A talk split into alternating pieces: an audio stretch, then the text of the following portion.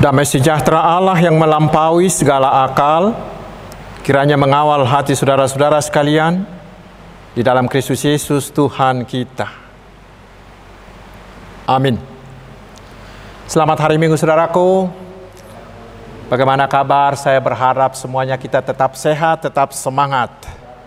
Dan hari ini Tuhan akan menyapa kita di minggu akhir tahun ini dari kitab Mazmur pasal 90 ayat yang pertama hingga ayat 12 saya bacakan untuk kita. Doa Musa abdi Allah. Tuhan, Engkaulah tempat perteduhan kami turun-temurun. Sebelum gunung-gunung dilahirkan dan bumi dan dunia diperanakan, bahkan dari selama-lamanya sampai selama-lamanya Engkaulah Allah. Engkau mengembalikan manusia kepada debu dan berkata, Kembalilah hai anak-anak manusia Sebab di matamu seribu tahun sama seperti hari kemarin apabila berlalu atau seperti suatu giliran jaga di waktu malam. Engkau menghanyutkan manusia, mereka seperti mimpi, seperti rumput yang bertumbuh, di waktu pagi berkembang dan bertumbuh, di waktu petang lisut dan layu. Sungguh kami habis lenyap karena murkamu dan karena kehangatan amarahmu kami terkejut. Engkau menaruh kesalahan kami di hadapanmu dan dosa kami yang tersembunyi dalam cahaya wajahmu. Sungguh segala hari kami berlalu karena gemasmu. Kami menghabiskan tahun-tahun kami seperti keluh. Masa hidup kami 70 tahun dan jika kami kuat 80 tahun dan kebanggaannya adalah kesukaran dan penderitaan sebab berlalunya buru-buru dan kami melayang lenyap. Siapakah yang mengenal kekuatan murkamu dan takut kepada gemasmu? Ajarlah kami menghitung hari-hari kami sedemikian sehingga kami beroleh hati yang bijaksana. Demikian firman Tuhan. Saudaraku yang dikasihi Tuhan Yesus Kristus, Mazmur ini sering disebut sebagai doa Musa, hamba Allah yang diberi tanggung jawab membawa bangsa Israel keluar dari perhambaan Mesir menuju ke tanah Kanaan. Walaupun dia sendiri tidak diperbolehkan Tuhan memasuki Kanaan itu. Dan Mazmur ini merupakan perenungan dari Musa tentang hidupnya sendiri. Mulai dari dia lahir hingga menjelang kematiannya. Dan dari perenungan itulah muncul kesadarannya akan arti hidupnya. Dan itulah yang dituliskannya di Mazmur 90 ini bagi kita dan bagi manusia sepanjang zaman. Saudaraku, hari ini kita memasuki minggu akhir tahun gerejawi. Dan tadi kita sudah melakukan peringatan bagi orang mati. Ingat saudaraku peringatan ini bukanlah untuk mengungkit-ungkit kesedihan kita, bukan. Karena peringatan ini bukanlah untuk mereka, sahabat-sahabat kita yang sudah meninggal itu. Tetapi peringatan ini adalah untuk kita yang masih hidup ini agar kita mengingat bahwa kita juga sama dengan mereka akan meninggal. Supaya kita tahu, supaya kita sadar bahwa hidup kita ini akan berakhir seperti mereka juga. Karena itu saudaraku sama seperti Musa, hari ini adalah saat bagi kita untuk merenungkan apakah arti kehidupan ini.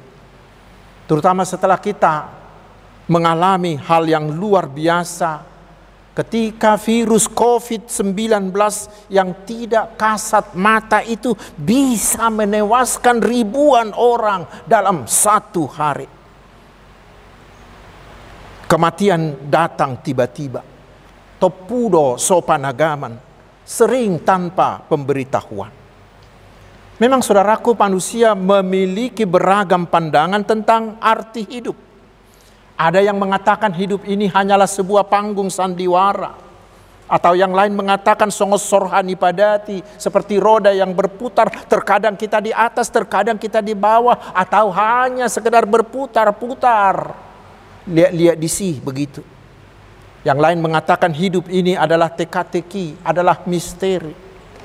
Saudaraku, pandangan seseorang tentang hidup dan kehidupan akan mempengaruhi caranya menjalani kehidupan ini. Pandangan kita tentang arti hidup dan kehidupan sangat mempengaruhi cara kita menjalani kehidupan ini. Nats perenungan Musa yang menyapa kita hari ini mengajak kita untuk merenungkan beberapa hal tentang hidup dan kehidupan ini. Sehingga kita tahu ke mana arah hidup kita dan bagaimana kita menjalani kehidupan ini. Yang pertama, firman ini memberi kita kesadaran tentang Allah. Bahwa Allah kita itu adalah Allah yang kekal selama-lamanya, tidak berawal dan tidak berakhir. Tetapi dia adalah Allah yang selalu ada dan terus berkarya sepanjang sejarah manusia dari dulu, sekarang, dan di masa yang akan, datang. Itu dikatakan di ayat 2. Allah kita itu adalah Allah yang berkuasa atas segala sesuatu. Dan dialah Allah yang memegang hidup kita. Hidup mati kita bergantung sepenuhnya kepada Allah itu. Karena itulah sama seperti Musa, kita harus menyadari bahwa hanya Allah lah satu-satunya tempat perteduhan kita dan tempat perteduhan manusia sepanjang masa. Katanya di ayat 1. Karena dialah Allah yang melindungi. Dialah Allah yang membuat kita nyaman. Dan itulah ajakan Tuhan bagi kita di hari peringatan orang meninggal hari ini agar sebelum kita meninggal, mari saudaraku, carilah tempat perteduhan yang sempurna.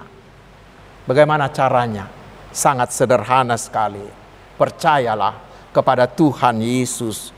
Terima Tuhan Yesus menjadi Tuhan dan juru selamatmu. Maka Tuhan sudah menyediakan bagi kita tempat perteduhan yang terindah tempat perteduhan yang tidak ada tandingannya. Sabulona hot, sabulona sonang, itulah surga kekal.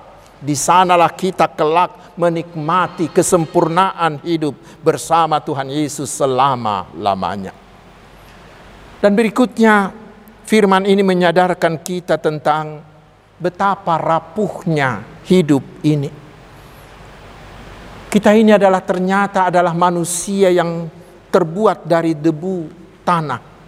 Dan kita akan kembali lagi menjadi tanah ayat 3. Dan itu adalah hukuman atas keberdosaan kita itu dikatakan di ayat 7 hingga 9. Sehingga hidup kita ini hanya bagaikan rumput sebentar tumbuh dan mekar berseri tetapi segera menjadi lisut dan layu. Itu dikatakan di ayat 5 dan 6. Kita tahu saudaraku, bahwa segala yang hidup di dunia ini bersifat merosot. Semuanya mengalami degradasi. Semuanya akan semakin berkurang. Setiap hari umur kita bertambah dan sejalan dengan itu hidup biologis kita juga semakin berkurang seperti dikatakan Paulus di 2 Korintus 4 ayat 16 bahwa manusia lahiriah kita ini akan semakin merosot. Tetapi banyak orang yang yang berusaha menyangkal kenyataan ini sehingga banyak orang yang berupaya menggunakan segala ilmu pengetahuannya untuk mempertahankan kemudaannya. Mulai dari memakan vitamin, dengan operasi plastik, dengan menggunakan make up dan lain-lain. Semuanya orang menginginkan usia yang panjang atedangi. Sudidu hitan yang gajang umurna. Tetapi tidak mau menjadi tua. Umurnya eh, itulah keinginan orang. Umurnya panjang tetapi jangan menjadi tua. Namun saudaraku, penuaan itu tidak akan terhindarkan. Itu nampak mulai dari melalui kemerosotan. Karena itulah dikatakan di ayat 10, usia tua membuat hidup kita ini menjadi sengsara dan penuh penderitaan. Secara biologis kemampuan tubuh kita ini akan semakin merosot. Refleks kita perlahan perlahan-lahan akan menurun. Penglihatan kita, pendengaran kita semakin menurun. Kita semakin mudah lelah, nafas kita mudah tersengal-sengal. Otot-otot kita menjadi lelah, menjadi, menjadi nyeri dan lain-lain. Dan secara psikologis kemampuan berpikir kita juga semakin berkurang walaupun menurut kata ahli semakin kita tua memang kita berpikir semakin terpusat. Tetapi tidak jarang bahwa orang yang semakin tua itu akan mengalami demensia. Demensia turunnya daya ingat kita dan lain-lain. Demikian juga secara kronologis kesempatan hidup bagi kita semakin berkurang karena jarak menuju garis akhir kita sudah semakin dekat. Tetapi saudaraku, Nats firman Tuhan hari ini mengatakan semua kesengsaraan, semua penderitaan akibat usia yang lanjut itu, itu adalah kebanggaan manusia. Mengapa? Karena menjadi panjang umur, menjadi lansia, menjadi berusia lanjut adalah berkat dari Tuhan. Walaupun untuk itu kita harus penuh dengan sengsara, penuh dengan derita menjalaninya. Semua orang berdoa untuk itu. Baik untuk dirinya maupun untuk orang-orang yang dicintainya agar mereka penggeng sarimatua ya penggeng sarimatua umurnya panjang. Dan berikutnya saudaraku Nats ini juga menyadarkan kita bahwa hidup kita semua kehidupan akan bermuara ke satu muara akhir yaitu kematian. Itulah muara semua hidup. Nasa jolma ikon mati. Bila pernah hidup pasti pernah bah pasti harus mati. Dan setelah mati, semua kehidupan di dunia ini berakhir sudah, finish, tamat. Dan kematian itu adalah sesuatu yang tidak bisa ditolak. Manusia hanya berusaha untuk menahannya, tetapi tidak ada yang mampu untuk menolaknya. Ada seorang desainer terkenal bernama Criasda Rodriguez. Sebelum dia meninggal akibat kanker, dia menuliskan begini: tidak ada yang nyata selain kematian. Hidup ini begitu singkat. Lalu apa yang harus disombongkan? Teruslah berbenah diri. Karena kita tidak tahu kapan kita dipanggil. Itulah kata dia. Dan bila Tuhan sudah menetapkan usia seseorang saudaraku, siapa pun dia, bagaimanapun kehebatannya, pangkatnya, dan lain-lainnya, tidak akan pernah bisa menahan kematiannya. Tidak akan pernah bisa menolak bila Tuhan sudah memanggil dia. Dan Tuhan sudah menetapkan bahwa usia manusia hanyalah 70 tahun saja dan bila kuat bisa hingga 80 tahun dan selebihnya. Tetapi memang di, ke, di kejadian 6 ayat 3 Tuhan sudah menetapkan batas tertinggi yaitu 120 tahun saja. Saudaraku, ketimbang kekekalan yang akan kita terima, usia manusia itu sangat-sangatlah singkat. Dikatakan di ayat 4, hanya seperti giliran jaga malam saja. Saudaraku, sahabat-sahabat Tuhan Yesus, setelah Musa merenungkan hidup manusia yang seperti itu, lalu dia berdoa kepada Tuhan di ayat 12 dia katakan, "Ajarlah kami menghitung hari-hari kami sedemikian hingga kami beroleh hati yang bijaksana." Di dalam bahasa Indonesia sehari-hari dikatakan, sadarkanlah kami akan singkatnya hidup ini, supaya kami menjadi orang yang berbudi. Saudaraku, kesadaran akan singkatnya hidup hendaknya membawa kita kepada perubahan hidup selama Tuhan masih memberi kita kehidupan ini. Karena itulah kita harus terus menerus menerima bimbingan Tuhan agar Tuhan memberikan kita hikmat sehingga dengan hikmat itu kita bisa tahu menggunakan hidup yang sangat singkat ini dengan sebaik-baiknya. Agar dengan hikmat itu kita tahu bagaimana menyikapi segala kejadian termasuk menghadapi segala dampak yang ditimbulkan oleh pandemi Covid ini. Dengan hikmat kita tahu pasti, kita menjadi tahu pasti dari mana dan mau ke mana hidup ini. Sia dia, lautu dia do buanota nguluon. Orang berhikmat akan tahu ke manakah muara hidupnya, akan tahu manakah jalan menuju ke sana, akan tahu bagaimanakah menjalani jalan ke sana itu. Lalu sekarang apa yang perlu kita lakukan? Pertama, kita harus punya tujuan hidup yang pasti. Orang yang hidup tanpa tujuan adalah orang yang menyia-nyiakan hidupnya. Orang yang hidup tanpa tujuan, hidupnya adalah hidup yang sia-sia, yang tidak berguna. Dia bagaikan seorang tukang pos yang mengantar surat yang tanpa alamat. Dia akan capek, dia akan habis tenaga, dananya dan waktunya akan habis tanpa hasil apa-apa. Karena itulah akhir tahun gerejani dan peringatan akan orang meninggal hari ini mengingatkan bahwa tujuan hidup seorang Kristen, tujuan hidup seorang percaya adalah kekekalan. Tetapi pertanyaannya, kekekalan yang mana? Yaitu kekekalan yang disediakan Tuhan Yesus bagi orang-orang yang mau percaya kepadanya.